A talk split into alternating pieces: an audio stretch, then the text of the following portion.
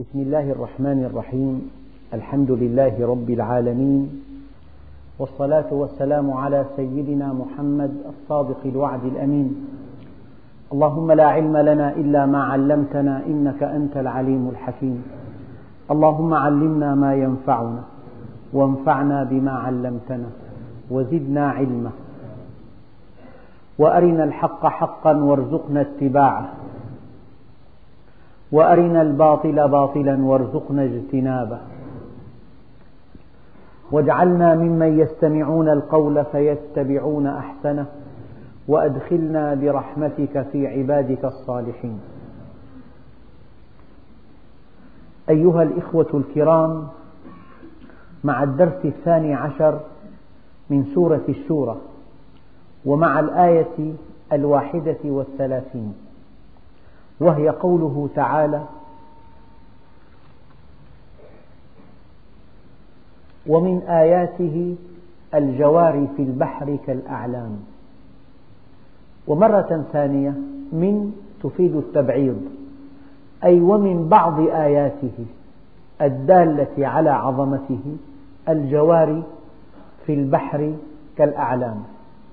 الجوار جمع مفردها جارية. وهي التي تجري أي السفينة.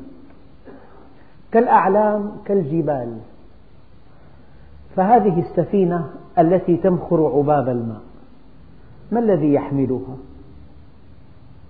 هذا الذي كشفه بعض علماء الغرب وقال وجدتها وجدتها حين وضع يده في الماء فشعر أن قوة تدفعها نحو الأعلى. فالسائل متماسك. ومعنى متماسك أي أنه لا يقبل بسهولة أن ينغمس فيه جسم. فالإنسان لو ملأ وعاء من الماء ووضعه في بركة ماء لشعر أن نصف وزنه قد ذهب أو أكثر من ذلك. أين ذهب الوزن؟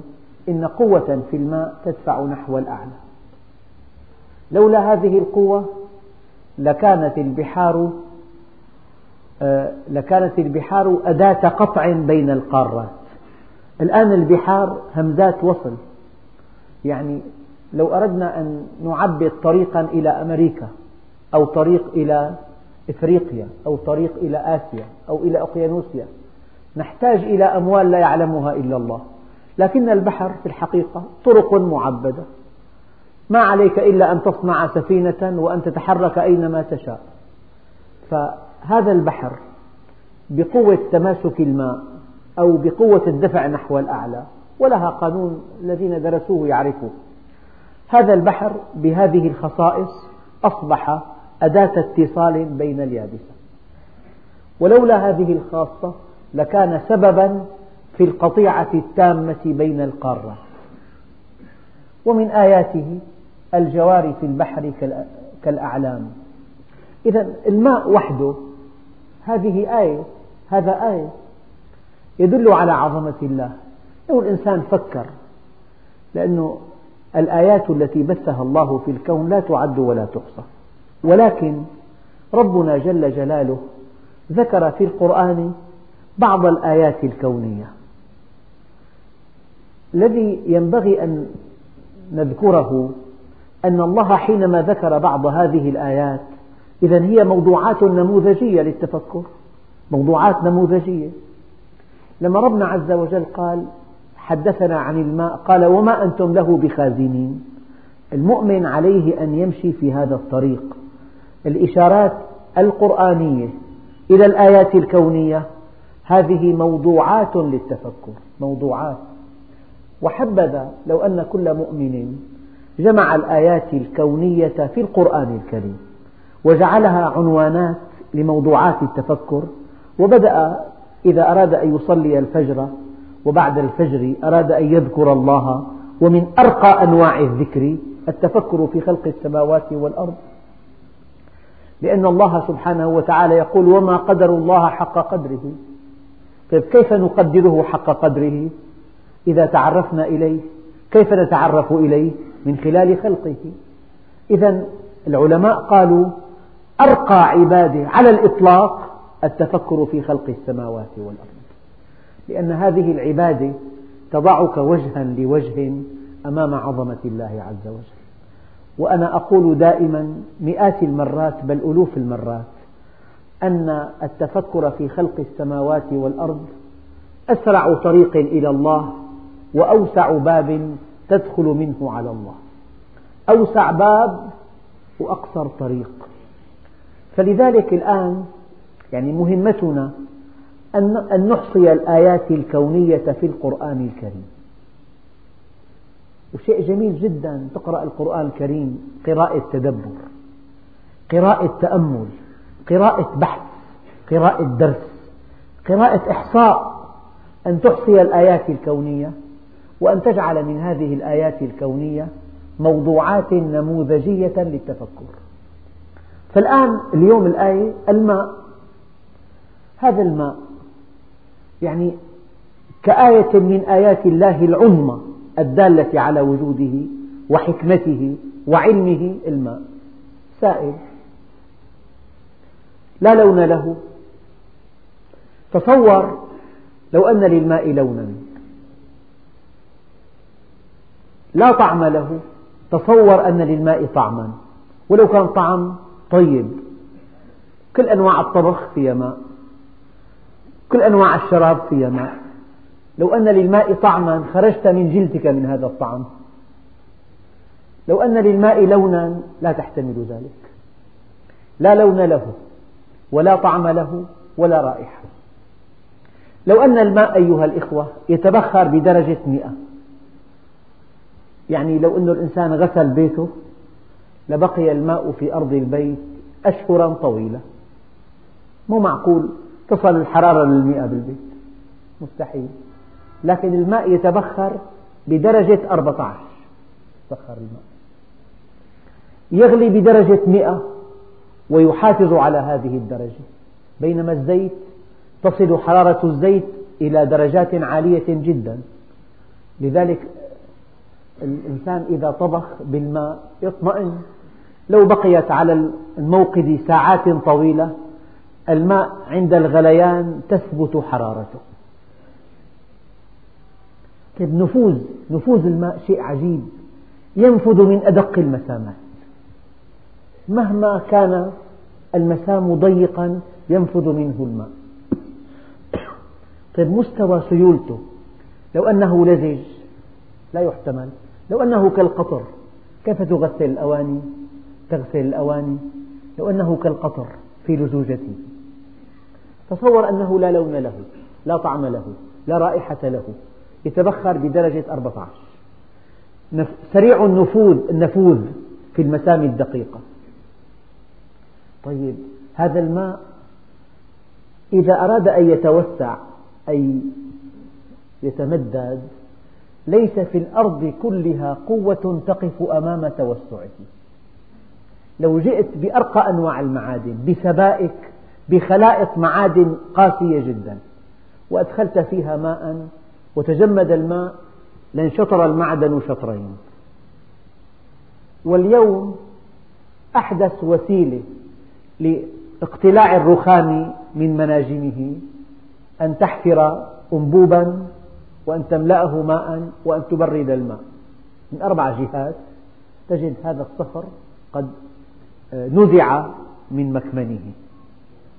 يعني الماء إذا تمدد لا قوة في الكون تقف أمامه. وإذا أردت أن تضغطه لا تستطيع. سمعت من أحد الإخوان الكرام أنه أجروا تجربة مكبس وزنه 800 طن. على متر مكعب من الماء ال 800 طن ما تمكنت أن تضغط الماء ولا ميلي لا يضغط وإذا تمدد لا شيء يقف أمامه. كثير النفوذ يتبخر بدرجة 14 لا لون له لا طعم له لا رائحة له. هذا الماء فيه خاصة أيها الإخوة. لازم الإنسان يعرف لولا هذه الخاصة لما كنا جميعا على سطح الأرض. لما رأيت في الأرض نباتا واحدا. لما رأيت في الأرض حيوانا واحدا.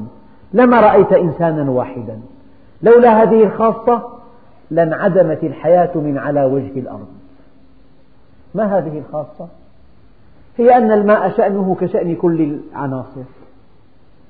بالحرارة يتمدد. بالبرودة ينكمش. شأنه كشأن كل العناصر. تفسير هذه الظاهرة تفسير دقيق. الحرارة من خصائصها أنها تباعد بين الذرات. والبرودة تقرب بين الذرات.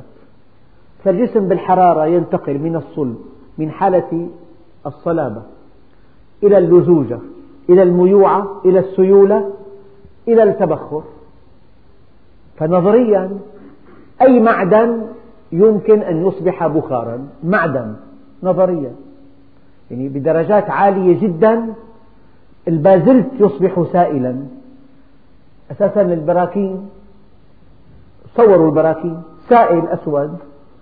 ما هذا السائل؟ فخر. عند التبرد يصبح صخرا من أقسى أنواع الصخور. فالحرارة من شأنها أن تباعد بين الذرات وأن تحول الجسم من حالة من حالة صلبة إلى حالة سائلة فإذا جاءت البرودة تقاربت الذرات فانتقل الجسم من الحالة الغازية إلى الميوعة إلى التجمد. الهواء يمكن أن يصبح سائلا.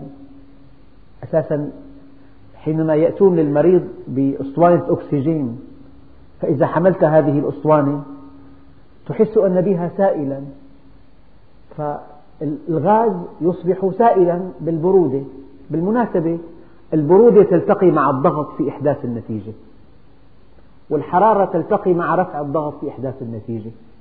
فيمكن أن نجعل من السائل مادة جافة حليب مجفف قهوة مجففة. مغلي القهوة أصبحت مجففة.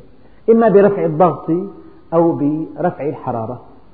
ونقل العنصر من الحالة الغازية للحالة السائلة إما بالضغط أو بالتبريد. طيب نحن نقول هذا تمهيدا لخاصة خطيرة. أن الهواء أن الماء شأنه كشأن أي عنصر؟ إذا سخنته يتمدد وإذا بردته يتقلص ينكمش. الماء يمتاز بخاصة. أنك إذا بردته ينكمش كأي عنصر؟ لكن عند الدرجة زائد أربعة تنعكس الآية. بدل أن ينكمش يتمدد. ممكن تعرف هالشيء بتجربة بسيطة جدا. أملئ قارورة ماء وأحكم إغلاقها وضعها في غرفة التبريد في الثلاجة.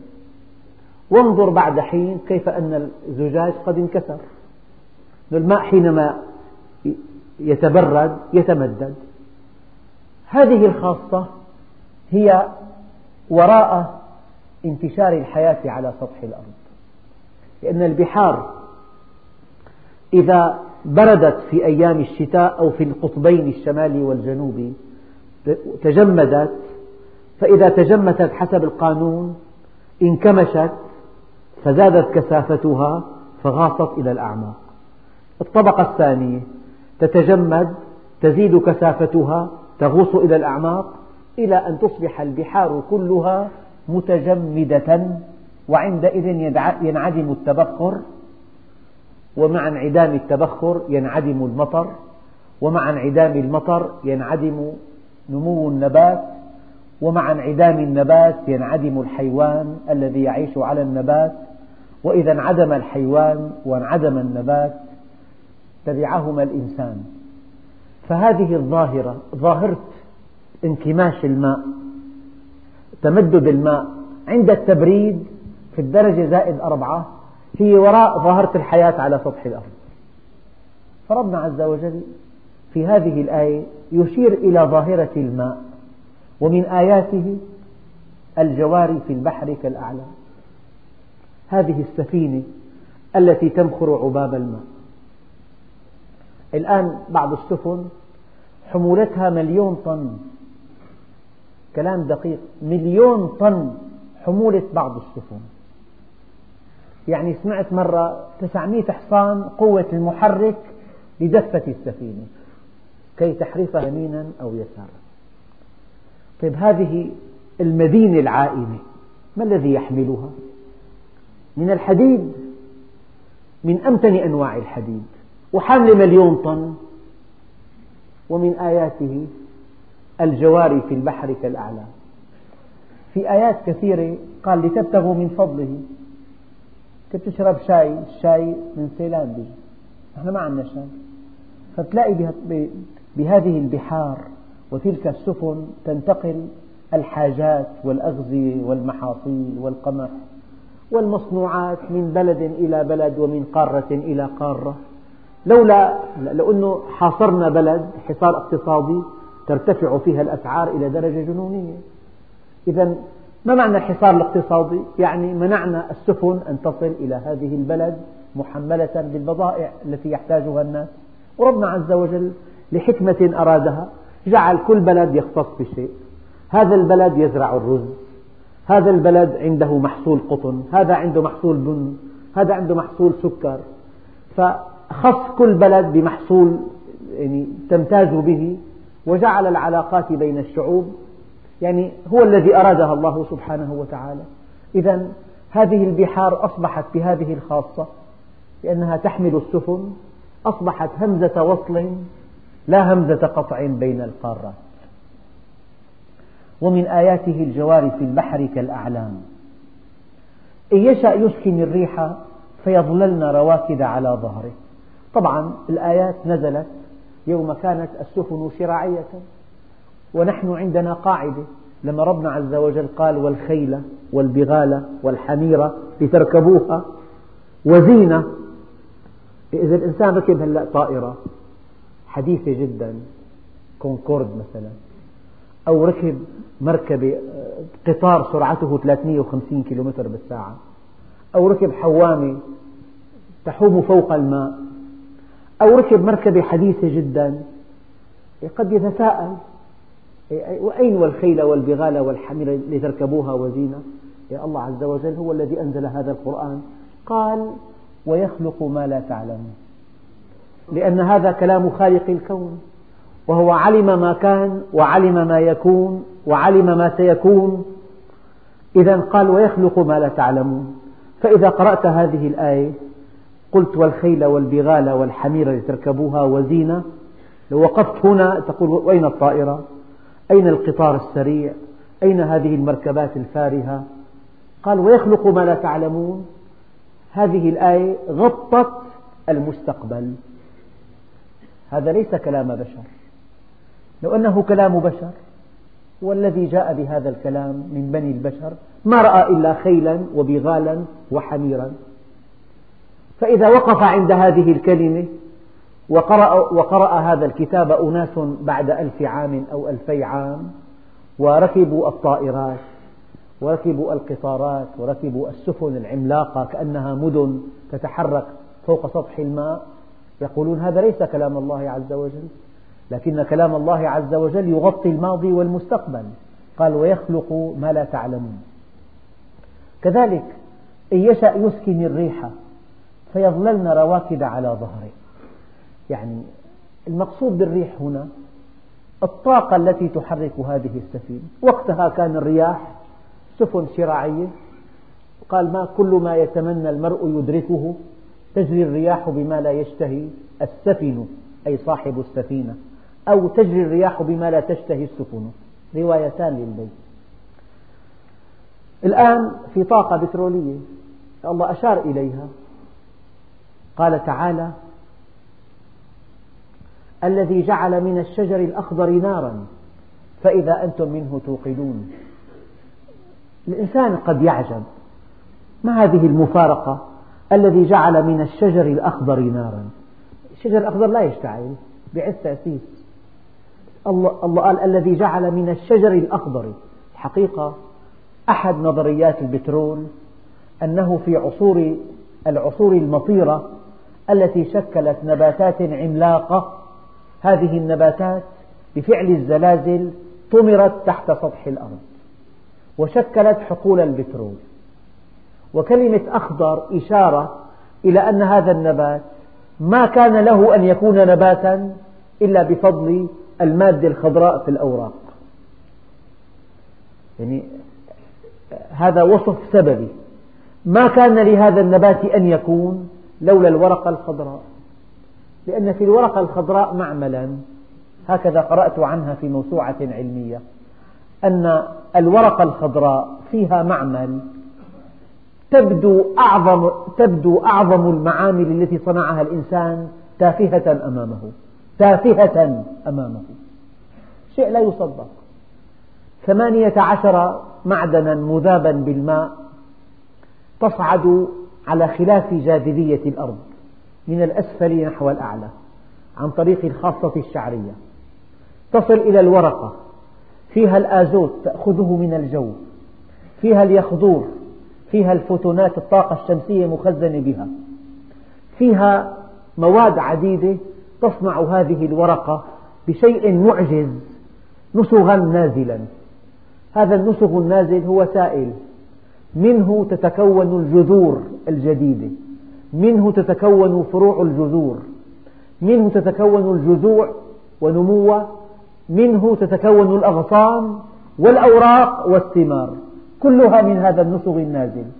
وليس في مقدور الإنسان أن يصنع سائلا. يحقنه مرة فإذا هو خشب. يحقنه مرة فإذا هو كوشوك يحقنه مرة فإذا هو معدن. هذا شيء فوق طاقة الإنسان. لكن هذا النسغ النازل يفعل هكذا. فربنا عز وجل جعل هذه الطاقة التي أودعها في الأرض جعلها عن طريق الأشجار الذي جعل لكم من الشجر الأخضر نارا فإذا أنتم منه توقدون. إذا إذا أشارت الآية هذه إلى أن الريح هي القوة الدافعة لهذه السفن عن طريق الأشرعة فسفن الحديثة تتحرك عن طريق الوقود السائل الذي خلقه الله في الأرض.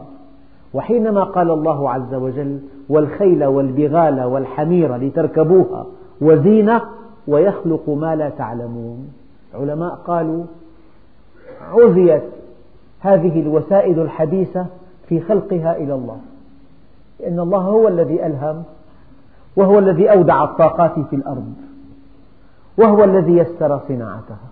نعم. لذلك النبي عليه الصلاة والسلام كان إذا ركب دابة يقول سبحان الذي سخر لنا هذا وما كنا له مقرنين.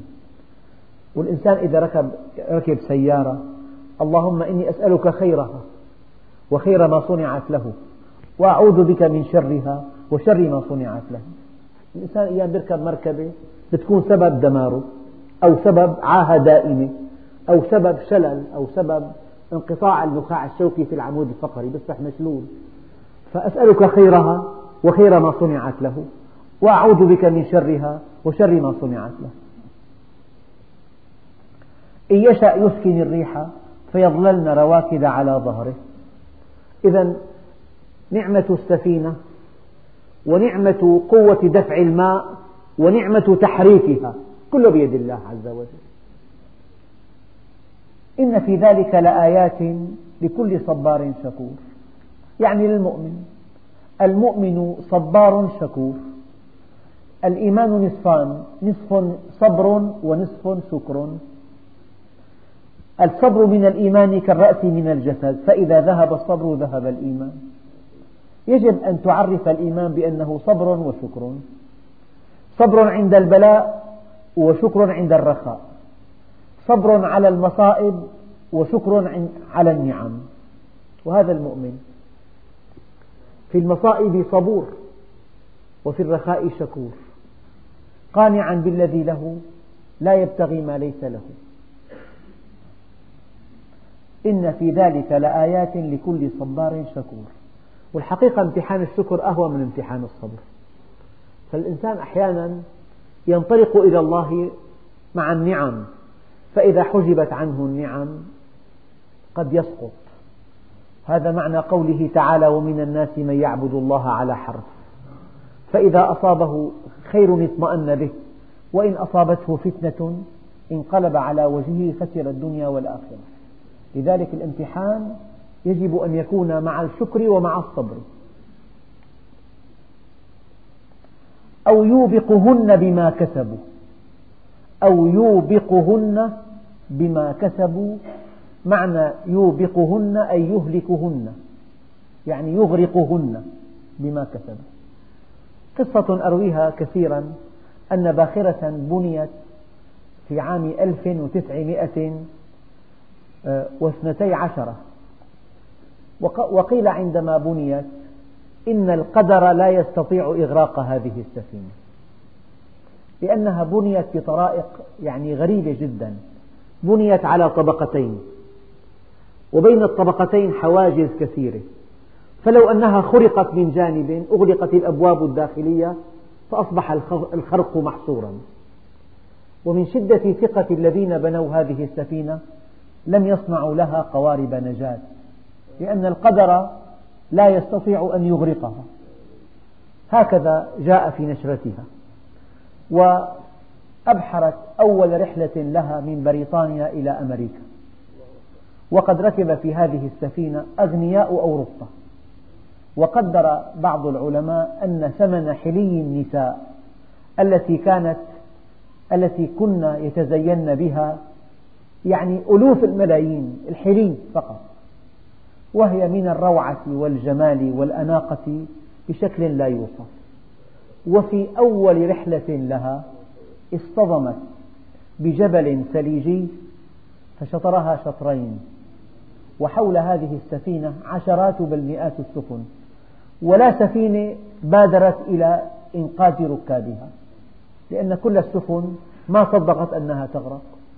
فلما أرسلت هذه السفينة إشارات استغاثة ظنوها احتفالات هي تحتفل وشطرت شطرين وغرق ركابها وقبل عدة أشهر فيما أذكر عثروا عليها اسمها تيتانيك أو يوبقهن بما كسبوا. هي الباء باء السبب. قال تعالى فبظلم من الذين هادوا حرمنا عليهم. باء السببية الباء لها معاني كثيرة أحد معانيها السبب. بتقصيرك عاقبتك مثلا. بتفوقك أكرمتك. هذه باء السبب. أو يوبقهن بما كسبوا. ويعفو عن كثير. كما قلنا في الدرس الماضي. كل مصيبة وراءها معصية. لكن ما كل معصية وراءها مصيبة؟ لأن الله يعفو عن كثير. نعم. ما من عثرة ولا اختلاج عرق ولا خدش عود إلا بما قدمت أيديكم وما يعفو الله أكثر. وما أصابكم من مصيبة فبما كسبت أيديكم ويعفو عن كثير. ويعلم, ويعلم الذين يجادلون في آياتنا ما لهم من محيص. هذا الذي يقول الدين يا أخي. الدين غيبيات مثلا. العالم الناس دخلوا في عصر العلم. هذا الدين لا يصلح لنا. هذا الذي يجادل في القرآن. يجادل في أحقية الدين. يجادل في جدوى الدين يجادل في الطرح الديني يجادل في النظر في التصورات الإسلامية أن الله بدأ الخلق بآدم. والإنسان في الدنيا في مرحلة إعداد لحياة أبدية. هذه النظرية الإسلامية النظرة الإسلامية لحقيقة الكون والحياة والإنسان. هذا الذي يجادل في أحقية هذه العقيدة يشكك بها. يأخذ عليها بعض المآخذ. لا يجعل من الإسلام نظاما يصلح لكل مكان وزمان. يعني له طروحات لا يرضى بها عن الإسلام. قال ويعلم الذين يجادلون في آياتنا ما لهم من محيص. أخواننا الكرام الإنسان أحيانا بشبابه يكون قوي شديد عتيد يتفلسف على الله عز وجل يطرح طروحات ينتقد ما لي قنعان بهذا الأمر ما لي قنعان بهذا الحكم. التفسير غير مقبول لكن كلما تقدمت به السن ورأى أنه لا بد من أن يغادر الدنيا وماذا بعد الموت؟ أنا أعرف عشرات الأشخاص بل مئات في بداية حياتهم كانوا ملحدين فلما تجاوزوا الأربعين بدأوا بالصلاة. فالإنسان هذا الخيار خيار وقت. دققوا في هذا الكلام أيها الإخوة. أنت أحيانا تخير خيار قبول أو رفض. أتشتري هذا البيت؟ تقول نعم أو لا. أتسافر إلى هذا البلد؟ تقول نعم أو لا. أنت حينما تخير أن تسافر أو أن تشتري أنت أمام خيار قبول أو رفض. إلا أن خيار الإيمان ليس خيار قبول أو رفض أبدا. خيار الإيمان خيار وقت. يعني إن لم تؤمن وأنت في ريعان الشباب لا بد من أن تؤمن وأنت في خريف العمر. ولكن والله الذي لا إله إلا هو. شتان والكلام لإخواننا الشباب موجه. شتان بين من ينشأ في طاعة الله وبين, من يأتي إلى ربه وقد انحنت ظهره انحنى ظهره وشاب شعره وضعف بصره. يعني جيد لا بأس. يعني خيار الإنسان في الإيمان ليس خيار قبول أو رفض. الدليل من هو أكثر كفار الأرض؟ الذي قال صراحة وبأعلى صوته أنا ربكم الأعلى. فرعون. طيب ماذا قال حينما أدركه الغرق؟ قال آمنت بالذي آمنت به بنو إسرائيل. معنى آمن. إذا متى آمن؟ بعد فوات الأول. عندما مات. فما في إنسان مخير بالإيمان إلا خيار وقت فقط. خيار الإنسان بالإيمان ما خيار قبول أو رفض. لأنه حتى ربنا عز وجل قال يوم القيامة فكشفنا عنك غطاءك فبصرك اليوم حديد. يا ليتني قدمت لحياتي. فيومئذ لا يعذب عذابه أحد ولا يوثق وثاقه أحد. وأما من أوتي كتابه بشماله فيقول يا ليتني لم أوت كتابية ولم أدر ما حسابية. يا ليتها كانت القاضية ما أغنى عني مالية هلك عني سلطانية. خذوه فغلوه ثم الجحيم صلوه ثم في سلسلة ذرعها سبعون ذراعا فاسلكوه. يعني خيارنا خيار وقت فقط. لكن البطولة أن تؤمن وأنت شاب في ريعان الشباب. لأنك إذا آمنت وأنت شاب شكلت حياتك تشكيلا إسلاميا. اخترت المهنة الشريفة التي فيها نفع للناس. اخترت الزوجة الصالحة. ربيت أولادك التربية الإسلامية. فإذا تقدمت بك السن أنت محاط بأناس مؤمنين محاط بأناس محبين. محاط بأناس موالين. بيتك إسلامي عملك إسلامي زوجتك أولادك بناتك أصهارك أما إذا الإنسان يعني عاد إلى الله في سن متأخرة يعني قد ينجو بنفسه لكن ينظر حواليه. فإذا أهل متفلتون من أمر الله عز وجل وإذا حرفة قد لا ترضي الله عز وجل يتمزق كل يوم ألف مرة. فلذلك خيارنا خيار وقت. وفي خيار آخر. لو أن الإنسان آمن في الحياة الدنيا كلما تقدمت به السن يميل إلى الإيمان. لكن البطولة وأنت شاب وأنت تغلي والشهوات مستعرة والطاقة عالية والعضلات مفتولة هذا السن إذا آمنت بالله عز وجل نفعك إيمانك نفعا لا حدود له. لذلك وليست التوبة حتى إذا جاء أحدهم الموت قال إني تبت الآن. هذه ليست توبة نعم. يوم لا ينفع نفسا إيمانها لم تكن آمنت من قبل أو كسبت في إيمانها خيرا. فنحن مدعوون إلى أن نعرف الله قبل فوات الأوان. وفي سن مبكرة جدا. كي تشكل حياتنا تشكيلا إسلاميا. ويعلم الذين يجادلون في آياتنا ما لهم من محيص. ما لك إلا الله عز وجل. بموت الإنسان يوضع في قبره.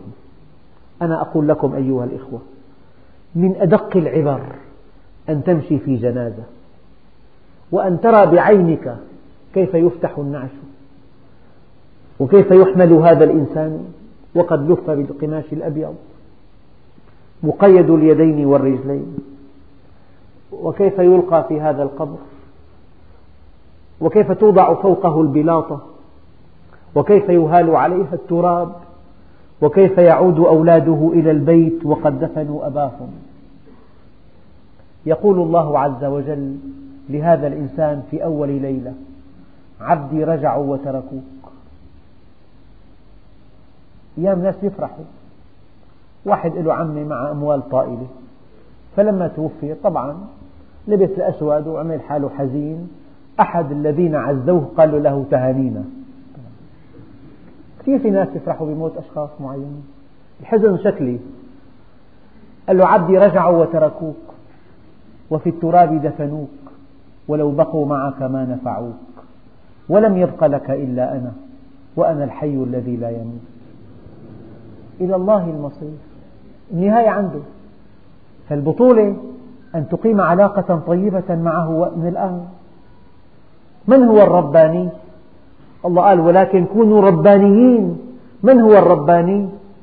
هو الذي يقيم علاقة طيبة مع الله عز وجل. أساس الطاعة أساس البذل أساس العبادة الصحيحة أساس التصدق أساس طلب العلم أساسها نشر العلم.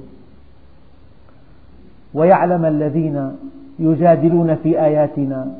يطعن ينتقد يقلل من أهمية الدين. ما لهم من محيص كلنا إليه. أفلا ينظرون إلى الإبل كيف خلقت؟ وإلى السماء كيف رفعت؟ وإلى الجبال كيف نصبت؟ وإلى الأرض كيف سطحت؟ فذكر إنما أنت مذكر لست عليهم بمسيطر. إلا من تولى وكفر. فيعذبه الله العذاب الأكبر. إن إلينا إيابهم. ثم إن علينا حسابهم. هذه الآية تكفي. إن إلينا إيابهم. ثم إن علينا حسابهم. المصير إلى الله. فما أوتيتم من شيء فمتاع الحياة الدنيا. ما هذه من شيء؟ يعني واحد يسكن في بيت ثمنه بضع بل بضع عشرات الملايين. الله سماه شيء. هذا تنكير تحقير تنكير تحقير. لو عنده أموال منقولة وغير منقولة بألوف الملايين شيء تنكير تحقير. لو يعني يتمتع بكل ما في الحياة الدنيا من مباهج شيء تنكير تحقير. يعني من دون تفاصيل لو أنه ملك الدنيا بحذافيرها. المال والنساء والبيوت والقصور والبساتين والمركبات واليخوت والطائرات. لو أنه يملك أكبر الشركات. وما أوتيتم من شيء فمتاع الحياة الدنيا وما عند الله خير وأبقى للذين آمنوا. وعلى ربهم يتوكلون. دققوا في عبارة خير وأبقى. يعني الآخرة خير من الدنيا وأبقى. يعني خير نوعا وأبقى زمنا. لو خيرنا إنسان هذا مثل أضربه دائما. لو خيرنا إنسان بين دراجة تتملكها دائما وسيارة تركبها ساعة. تختار دراجة طبعا. يقول لك أبقى. طيب لو خيرنا إنسان بين دراجة يملكها دائما وسيارة تملكها دائما هل يحتاج الإنسان إلى تردد؟ مباشرة. طيب لو خيرناه بين دراجة يركبها ساعة وسيارة يتملكها دائما. إذا بيختار الدراجة بيكون بده قصير. إذا قال تعالى فما أوتيتم من شيء فمتاع الحياة الدنيا وما عند الله خير وأبقى. وهذا الإيمان. إذا آمنت باليوم الآخر ارتحت من عناء الدنيا. إن هذه الدنيا دار التواء لا دار استواء. ومنزل ترح لا منزل فرح. فمن عرفها لم يفرح لرخاء ولم يحزن لشقاء قد جعلها الله دار بلوى. وجعل الآخرة دار عقبة فجعل بلاء الدنيا لعطاء الآخرة سببا وجعل عطاء الآخرة من بلوى الدنيا عوضا. فيأخذ ليعطي ويبتلي ليجزي. أخواننا الكرام ما تنحل مشاكلنا كلنا إلا إذا نقلنا أهدافنا إلى الدار الآخرة. ترضى من الدنيا باليسير.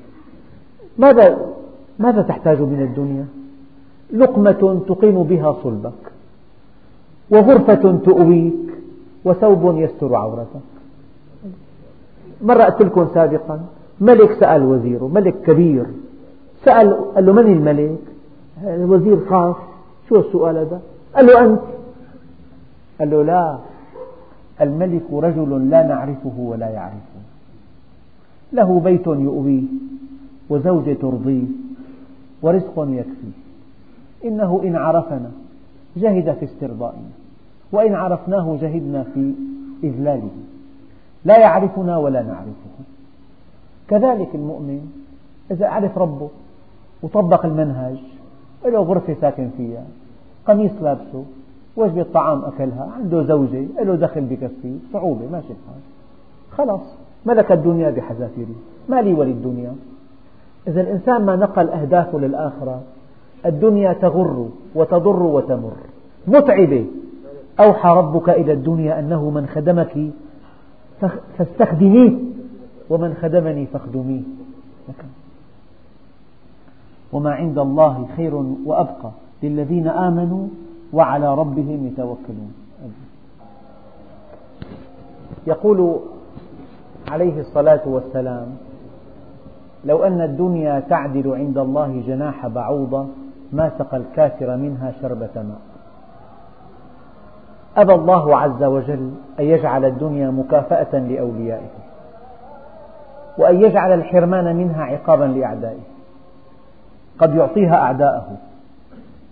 أعطى الدنيا يعطي الدنيا لمن يحب ولمن لا يحب.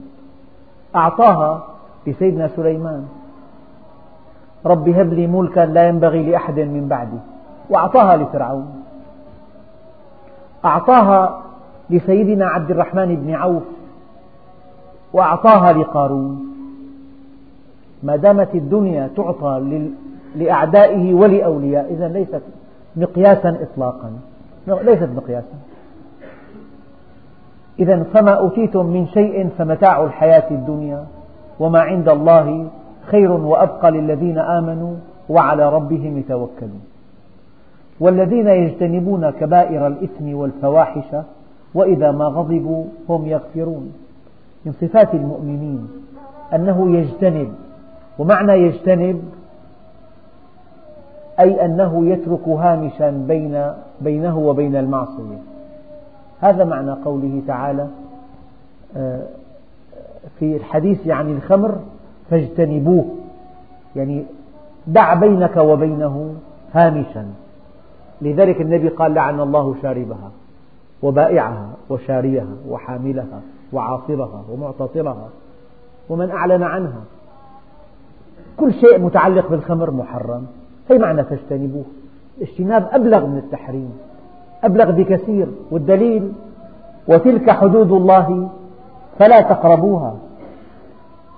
وفي آية فلا تعتدوها.